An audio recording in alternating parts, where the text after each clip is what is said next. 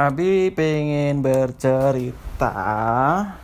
Sekarang ya, Abi pengen bercerita tentang tukang cu- cukur yang amanah. Amanah itu apa? Amanah itu dia bisa dipercaya sama orang lain. Kayak Muhammad. Hmm? Muhammad. Iya, oh iya. Yang Abi pernah ceritain dulu ya. Oh, oh, jadi gini. Pada suatu hari di zaman dahulu kala ada seorang tukang cukur Aduh, Heeh. Ada seorang tukang cukur yang sepi tempatnya. Jadi kalau kalau sepi, kira-kira bagaimana mas tukang cukurnya? sedih Sedih ya? Kenapa sedih? karena karena sepi tidak ada orang yang menemaninya. Hmm? Tidak Mm-mm. Selain itu, kalau tidak ada yang bercukur di situ, maka si tukang cukur itu dia tidak mendapatkan uang yang cukup untuk makan. Oh, oh, untuk makan, untuk menabung, untuk apa namanya membantu orang lain. Buat beli mainan. Hmm. Nah, Hmm. Maka suatu ketika si tukang cukur ini membuat pengumuman. Dia menulis di apa namanya di luar tempat cukurnya, Biar orang-orang tahu. biar orang-orang bisa membaca. Buka Di sini tulisannya berisi, berisi Buka. tukang cukur spesial. Tukang cukur yang mendengarkan cerita. Nah, jadi tukang cukur ini membuat layanan khusus mas Kian. Jadi orang-orang yang bercukur di tempat dia itu boleh bercerita apa pun kepada si tukang cukur. Kemudian si tukang cukur menambahkan di di apa namanya di pengumuman yang di depan tempat cukurnya itu tukang cukur menyimpan rahasia. Rahasianya apa? Hah? Rahasianya. Rahasia itu sesuatu yang tidak boleh diceritakan sama orang lain. Jadi si tukang cukur ini selain dia itu mencukur rambut orang, dia si tukang cukur ini juga menjadi tempat orang bercerita. Bercerita tentang Gajah. gajah, bercerita tentang pekerjaannya, bercerita apa pun pokoknya. Bisa cerita kucing. dan tukang cukurnya ini dia menjamin bahwa cerita yang diceritakan oleh eh, apa namanya pelanggannya itu ti- dijamin tidak akan tersebar. Tersebar itu apa? Tersebar itu misalnya Mas Kian bercerita bilang sama Abi, Abi ini rahasia Abi. Terus Mas bercerita, Abi, eh, aku sebenarnya tadi makan dua kue. Nah, terus Mas kan sudah bilang sama Abi kalau Abi harus memegang rahasia. Berarti tidak boleh ceritakan sama orang lain kan? Terus Abi tiba-tiba men- menceritakannya ke Ade. Ade, Abi bilang bilang kayak gini. Tadi Mas makan dua kue. Berarti Abi gimana? Abi sudah melanggar apa yang dibilang sama Mas. Jadi si tukang cukur itu dia berjanji bahwa kalau ada pelanggan yang bercukur di tempatnya, kemudian mereka bercerita, cerita dari pelanggan-pelanggannya itu tidak akan disebarkan oleh tukang cukur itu. Nah, kemudian meskipun si tukang cukur itu sudah membuat pengumuman di depan tempat cukurnya, belum ada pelanggan yang datang. Mereka cuma penasaran, hmm, ini tukang cukur? Dia kok membuat pengumuman seperti ini ya? Pelanggan-pelanggannya itu masih penasaran tapi belum berani mencobanya hingga suatu ketika ada seorang pejabat kerajaan yang melihat tempat cukur itu dan membaca pengumumannya. Hmm, ini tukang cukur mau mendengarkan cerita. Baiklah, aku akan datang ke tempat cukur itu. Permisi, Assalamualaikum, kata si pejabat negara itu. Kemudian dia bercukur di tempat cukur itu. Krik, krik, krik, krik, krik, krik, krik. Kemudian si pejabat negara itu dia banyak bercerita Wahai tukang cukur, aku memiliki masalah seperti ini. Aku memiliki masalah seperti itu. Nah, si pejabatnya itu dia bercerita banyak sekali. Tapi tukang cukur itu mendengarkan. Oh begitu, oh begini, kata tukang cukur itu. Sambil dia memotong rambut si pejabat itu. Nah, setelah pejabat setelah uh, bercukurnya selesai, cerita si pejabat itu masih terus berlanjut.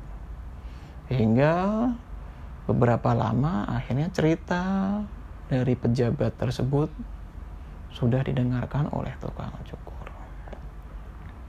Nah, ternyata pejabat itu dia sebenarnya kangen pengen ngobrol dengan orang lain makanya ketika ada uh, tukang cukur yang yang bilang bahwa dia mau mendengarkan cerita dan ceritanya itu dirahasiakan oleh tukang cukur dia merasa gembira karena dia sudah menceritakan apa yang mengganggu di pikirannya. Kemudian karena pejabat itu puas,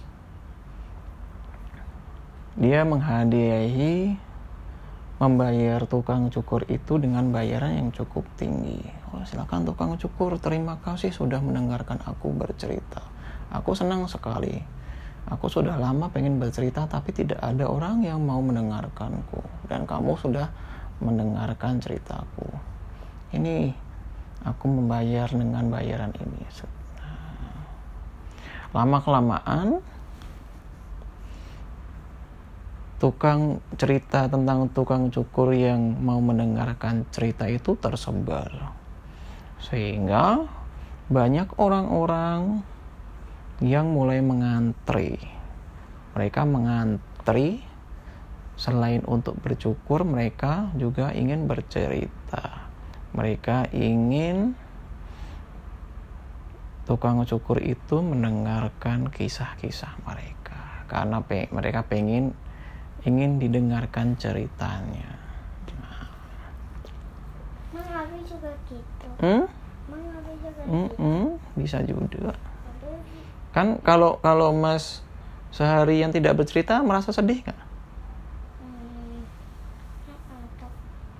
hmm, Hmm, ya. Oh, oh.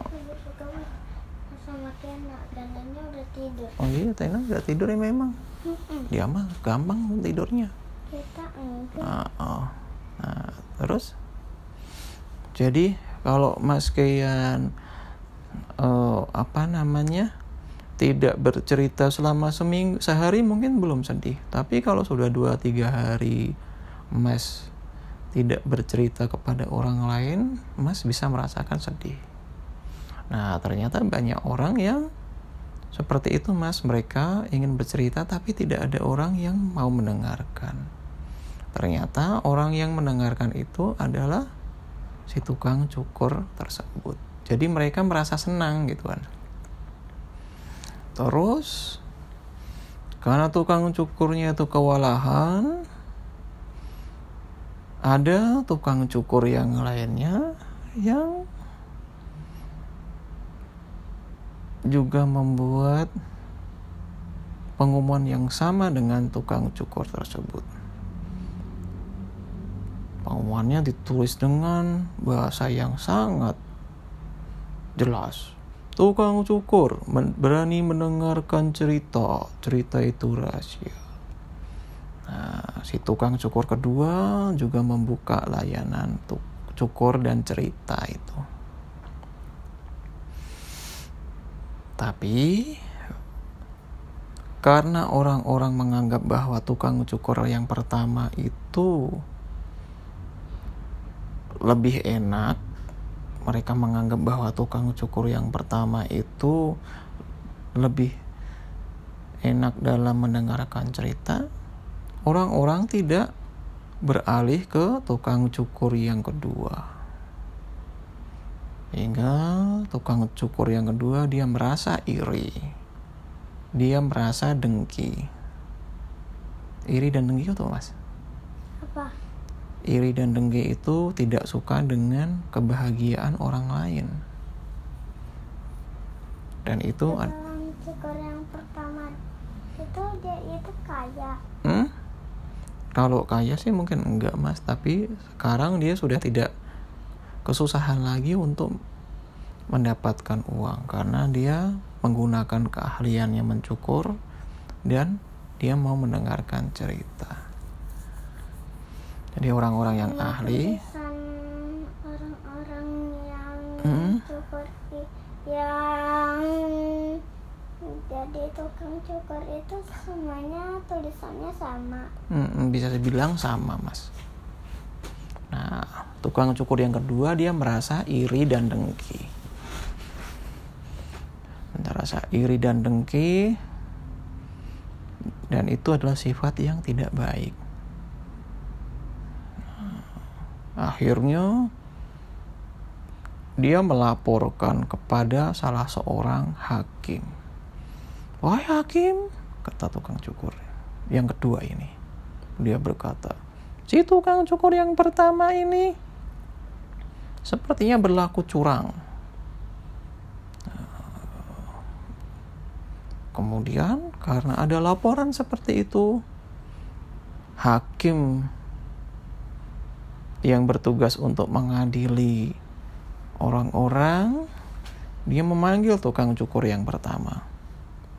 Wahai tukang cukur, aku dengar kamu selain mencukur orang-orang, kamu juga mau mendengarkan cerita. Dan karena kamu memiliki keistimewaan itu, kamu dibayar mahal. Tapi aku mendengar ada orang yang menuduhmu bahwa engkau berlaku curang. Oh, aku bercurang, aku tidak berlaku curang, Tuan Hakim. Aku hanya mencukur orang dan mau mendengarkan cerita mereka. Dan orang-orang karena senang dengan hasil cukuranku dan senang karena mereka mau bercerita kepadaku, aku mendapatkan imbalan yang lumayan. Tapi aku tidak berlaku curang kata tukang cukur yang pertama. Aku berlaku jujur, kata orang si tukang cukur yang pertama. Iya, kalau begitu kamu harus harus menceritakan kepadaku apa yang diceritakan sama orang-orang yang itu sehingga mereka mau uh, mengeluarkan uang yang cukup mahal. Tukang cukur yang pertama dia berkata, Aku tidak mau tuh hakim. sekalipun engkau apa namanya sekalipun engkau memenjarakan aku aku tidak akan membocorkan rahasia yang sudah diceritakan sama orang-orang yang bercukur kepadaku hmm, si tukang cukur yang pertama dia tetap tidak ingin uh, apa namanya membocorkan rahasia. Kemudian si hakim melihat tukang cukur yang kedua. Hei tukang cukur yang kedua kamu melaporkan bahwa dia itu curang.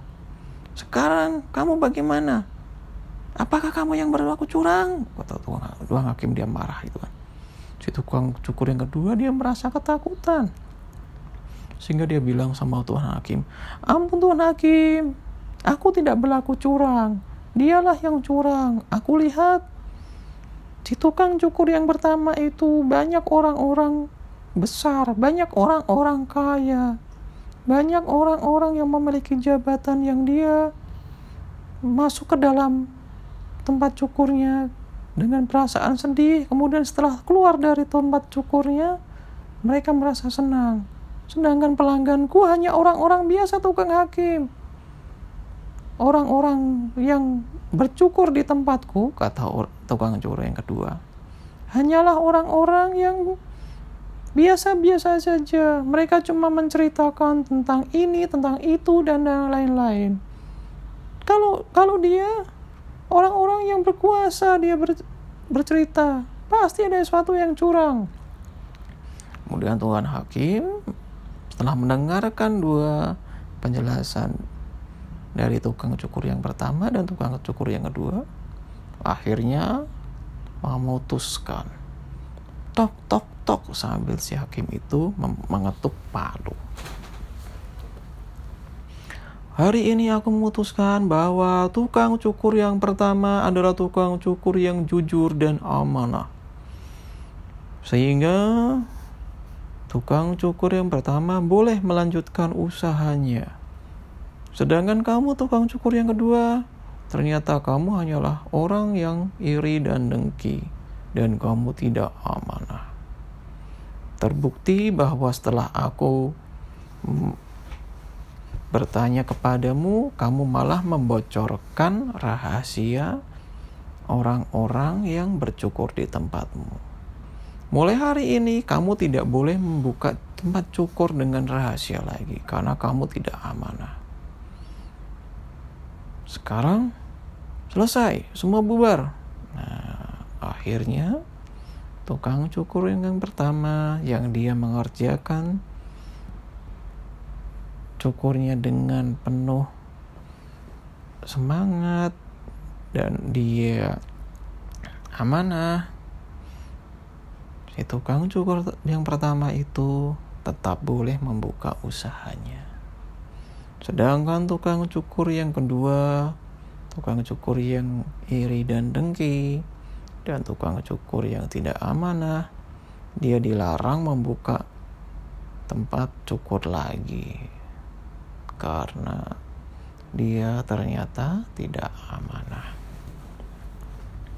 Akhirnya orang yang jujur dan orang yang amanah lebih beruntung daripada orang yang tidak jujur dan tidak amanah.